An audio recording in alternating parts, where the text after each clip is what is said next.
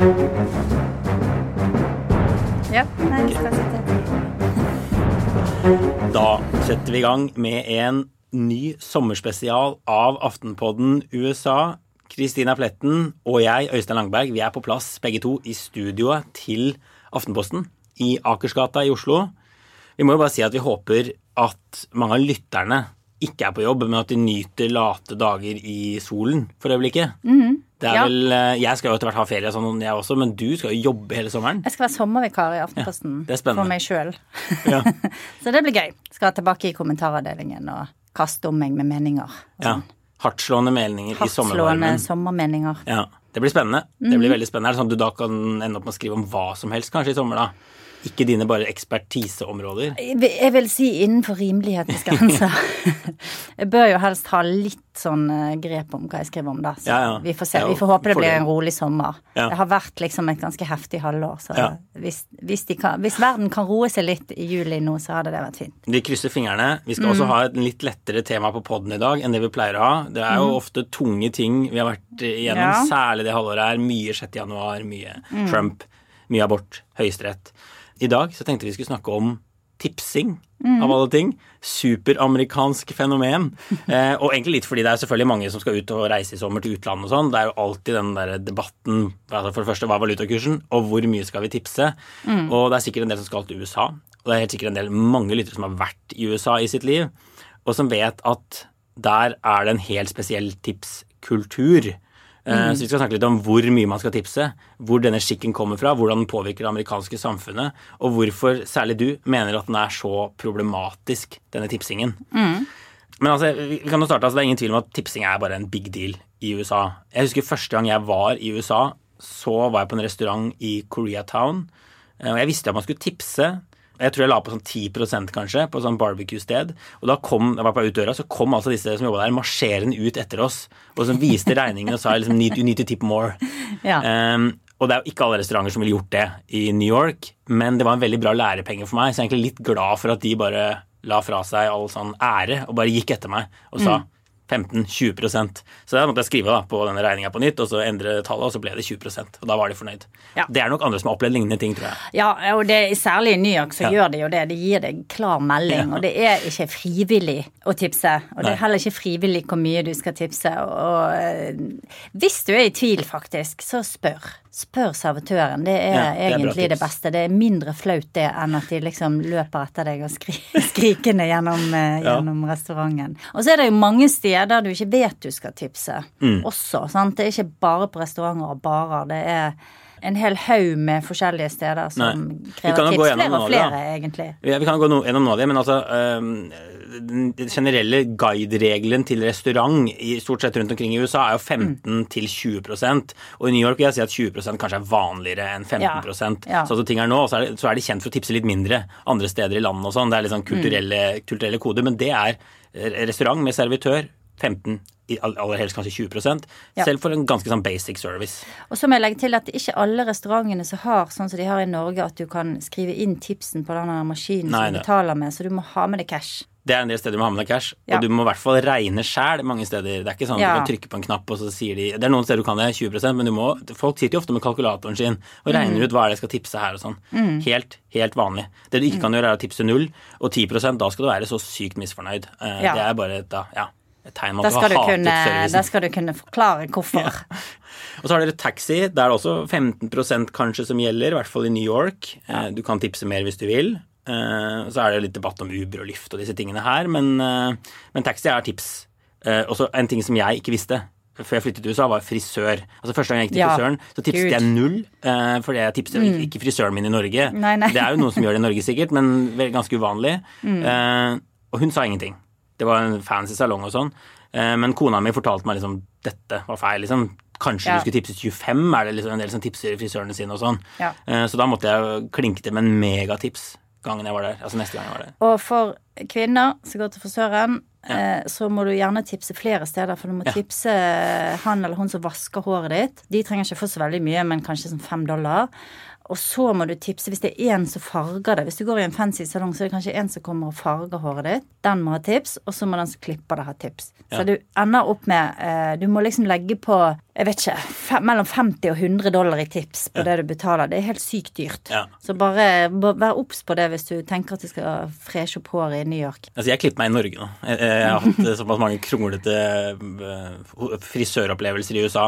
Og de har også startet med sånt som ligner på VIPS, hvor du betaler altså liksom kontant for selve klippen, og så skal du sende på VIPS, altså Venmo som det heter i USA, Mm. til forskjellige folk. Du får privatnumrene deres fordi vi har tipsen måte, rett inn på sin private konto. Ja. Så det kan være ganske mye styr når du er ferdig med klippen. Ja, og Noen frisører har også sånne bitte små konvolutter så du Ja, kan få, så ja. du kan legge pengene nedi og så gå og gi dem til dem. Men det er jo, for oss nordmenn, vi er jo liksom ikke så gode på sånne ting. Det er innmari kleint og ubehagelig, og jeg er enig med deg, det er bedre å klippe seg i Norge. Ja, og, og, og jeg nevnte kona mi. altså Hun fikk kjeft i et parkeringshus i New York en gang. Der var det Du parkerte Du leverte egentlig bilen til en fyr som kjørte den ned en etasje og parkerte den der for deg. Da han kom tilbake etter en dag eller to, så var han sånn skuffa da han ikke fikk tips og sa sånn I did a good job, hvorfor får jeg ikke noe tips? Så det var også litt sånn interessant opplevelse, helt sånn uvanlig å tenke at man skal tipse han. Eh, og, og, og, altså, å parkere bil i New York det kan jo koste tusenvis av kroner døgnet. Så man skal ikke tipse han 20 av den totale summen for hele parkeringen, for da blir det jo bare helt vanvittig dyrt. Ja. Men man skal tipse han noen dollar, ikke sant. Ja. Han, ideelt sett, liksom, litt sånn kul måte, få disse dollarene opp av lommeboka og gi det, gi det til han da. Litt sånn halvelegant. Og samme Ja. hotell. Folk som vasker rommet ditt, folk som bærer bagasjen din. Ja. Særlig det der når du kommer kjørende inn på et Ja. hotell, så kommer det gjerne noen ut og skal parkere bilen din Mm. og ta inn kofferten og sånn. Og det er jo også en litt sånn ubehagelig, for da må du liksom stikke til de penger litt sånn Ja, ja. kvasi-diskré. Eh, Men da må du liksom, før du kommer til hotellet, så må du passe på at du har fem eller eh, Ja. Mm. ti dollar i lommen, ikke sant? Sånn at du kan gjøre det der. Og så må du legge igjen penger på hotellrommet.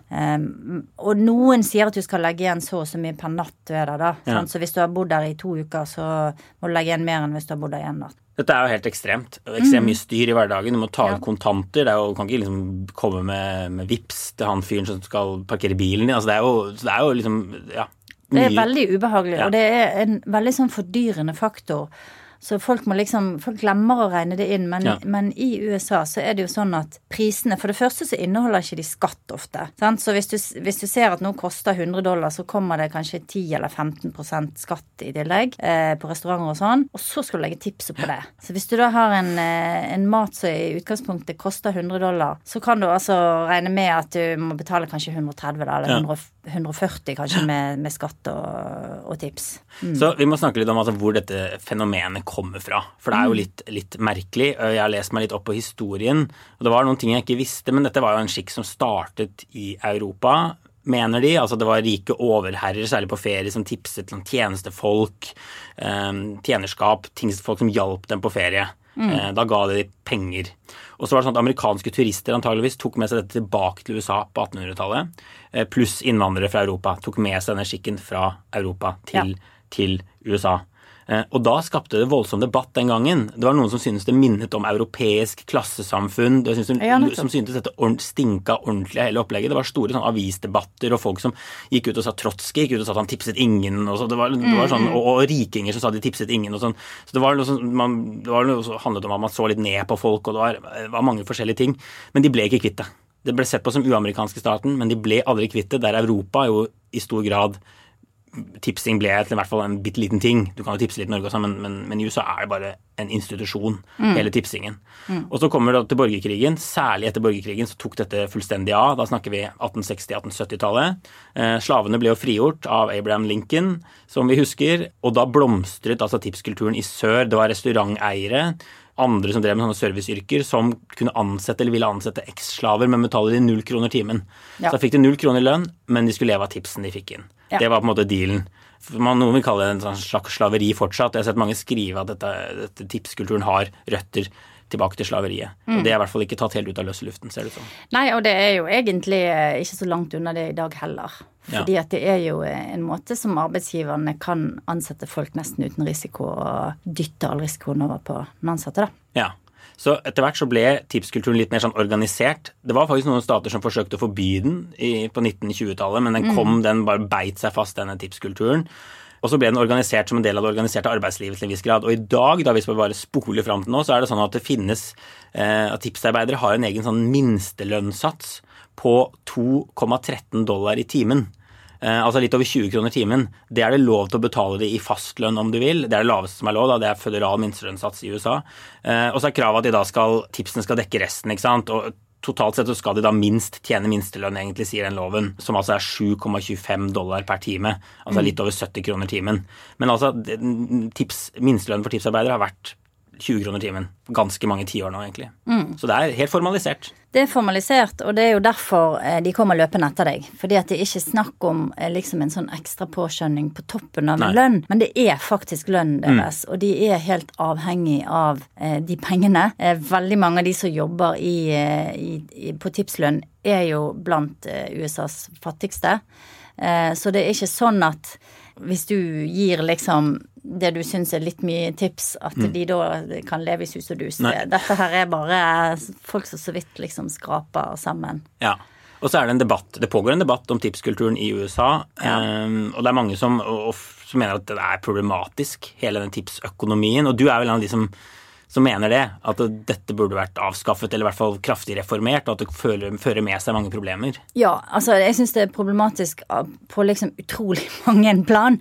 Men det, det, mest grunnleggende er jo det som jeg nevnte i sted, at eh, man dytter altså eh, usikkerhet og risiko over på den ansatte. Mm. Sånn at eh, arbeidsgiver har da bare de der to dollarene og 13 cent, eller hva det nå er. Mm å betale. Hvis det ikke kommer noen kunder den dagen, så taper arbeidsgiver mye mindre, sant? men mm. den som jobber, får da ingenting. Um, det gir jo en fleksibilitet, selvfølgelig. Og det er jo folk, f.eks. i New York, uh, der det er dyrt, det er dyre, masse dyre restauranter og barer og masse kunder, uh, der kelnere kan tjene mange, mange tusen kroner kvelden, ikke sant, ja. og leve gode liv på det. Og du kan finne folk som sier de elsker å få tips, og elsker, elsker det, og ja. kommer hjem med, med lommene fulle av 100 hundredollarsedler, holdt jeg på å si. Så det, det, det fins jo det der. Men, men, i utgangspunktet så er det jo en så Det er så urettferdig system, da. At, at du skal kunne ansette folk på nesten ingen lønn, og så mm. skal de måtte liksom gå og, og bukke og skrape for folk for å, for å, få inn de pengene. Og, og det er mitt andre aber, liksom at det, det gjør jo også at ansatte kan måtte finne seg i mye mer enn eh, de burde. ikke sant? Ja. Fra kunder og fra andre. Man, man skaper en sånn avhengighetssituasjon som er uheldig. Ja. Og det er det, det er det, mange som har fokusert på. De har forsket på det og sett at blant ja. annet sånn, altså, folk får mindre tips hvis de er altså, svarte i huden, eller mm. hvis de er liksom, kvinner, hvite menn får mest i tips. altså det, i, På helt like restauranter og sånn. Dette har vært forsket litt på. Eh, veldig interessante funn. Og så har det vært mye klaging under pandemien på at servitører som ber folk liksom hold avstand, bruk munnbind, de tingene der, de blir straffet gjennom tipsen. Eh, folk, ja. folk, liker det ikke, sant. De blir sure, og så tipser de ingenting. Og så får de heller ikke noe lønn. Og da er det jo Eller altså, seksuell trakassering og Du må kanskje finne deg mer mer. da, At ja. folk kommer med kommentarer på utseendet ditt. Det er jo sånn kvinnelige kelnere forteller om.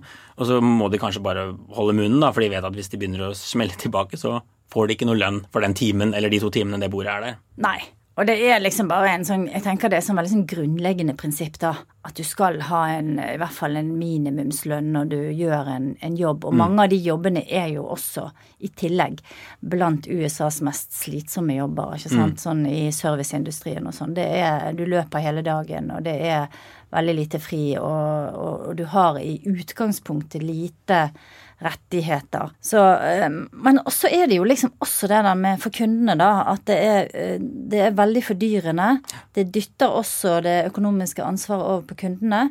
Sånn at de må da eh, ut med de ekstra pengene for å betale disse lønningene, ikke sant. Og, og så brer det om seg. Mm. Det, man møter det stadig flere steder, så det gjør jo at eh, middelklassen, veldig mange mennesker, må egentlig betale en større andel av, av, det som liksom mangler av økonomisk trygghet for veldig mange mennesker. ikke sant? Mm. Så istedenfor at det blir tatt av staten, eller blir tatt av arbeidsgiver, ikke minst, så må privatpersoner Så det er jo en form for skjult skatt, egentlig, mm. i bunn og grunn. For dette er ikke noe I, i så er ikke det en frivillig ting du, du betaler.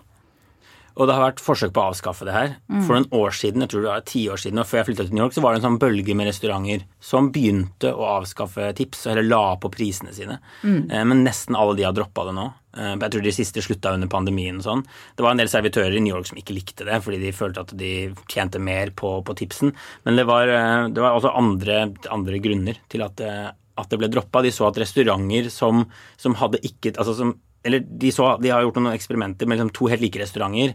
De ene har bare lagt på prisene med 20 sier her tipser vi ikke. De andre har lavere priser, men forventning om 20% tips. Og da går folk til den, den restauranten med lavere priser og forventning om 20% tips. Så det er noe sånn lokket over de der menyene òg, ikke sant. Du, Ja. Som du sier, det er egentlig mye høyere priser enn det som står, men det er litt det, er litt det folk vil ha. Kanskje de syns det er litt sånn fleksibilitet i den der tipsen, at det gir dem en eller annen makt eller mulighet til å påvirke servicen. I- Tydeligvis i hvert fall så er det veldig vanskelig å avskaffe det av sånne konkurransehensyn. For går dit, det er tips, for det ser billigere ut når du setter deg ned og spiser.